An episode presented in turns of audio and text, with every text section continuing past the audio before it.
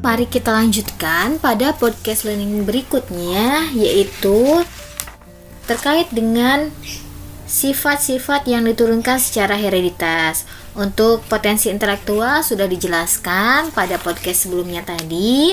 Nah, untuk sifat-sifat yang diturunkan secara hereditas selain potensi IQ yaitu temperamen atau kepribadian. Setiap anak sekolah dasar memiliki temperamen yang mewarnai kepribadiannya dalam berinteraksi dengan lingkungannya. Nanti Anda akan menemui berbagai jenis anak dengan temperamen yang berbeda-beda. Temperamen merupakan sebagian dari kepribadian. Kepribadian adalah sifat-sifat khas seseorang yang menentukan kecenderungan orang itu dalam bertingkah laku. Kepribadian itu diperoleh dari hereditas dan belajar, yaitu melalui pembiasaan-pembiasaan dalam menghadapi lingkungan. Kepribadian terkait erat dengan sifat-sifat emosional dan sosial dalam menghadapi lingkungan. Temperamen merupakan sifat-sifat emosi dan sosial yang sudah dibawa semenjak lahir yang bukan merupakan hasil belajar. Jadi temperamen ini itu pembawaan dari lahir dan bukan merupakan hasil belajar.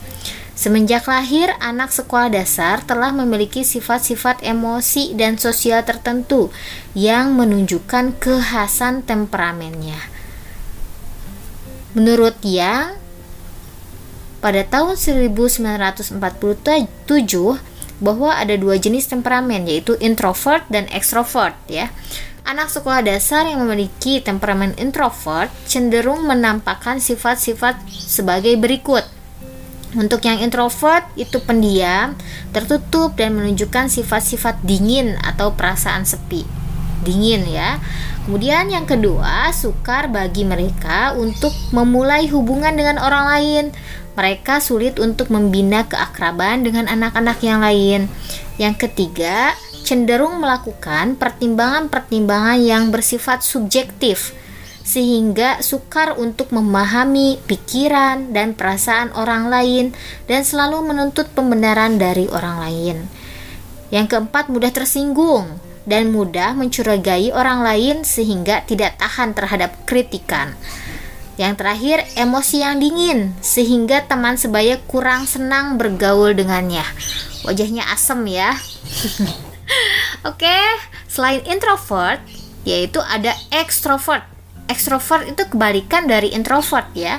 Extrovert menampakkan tingkah laku sebagai berikut, yaitu mudah bergaul, banyak berbicara, dan ramah.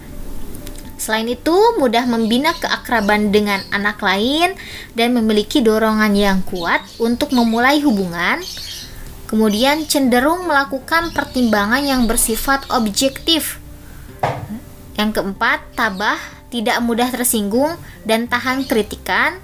Yang kelima, emosi hangat, periang, dan impulsif.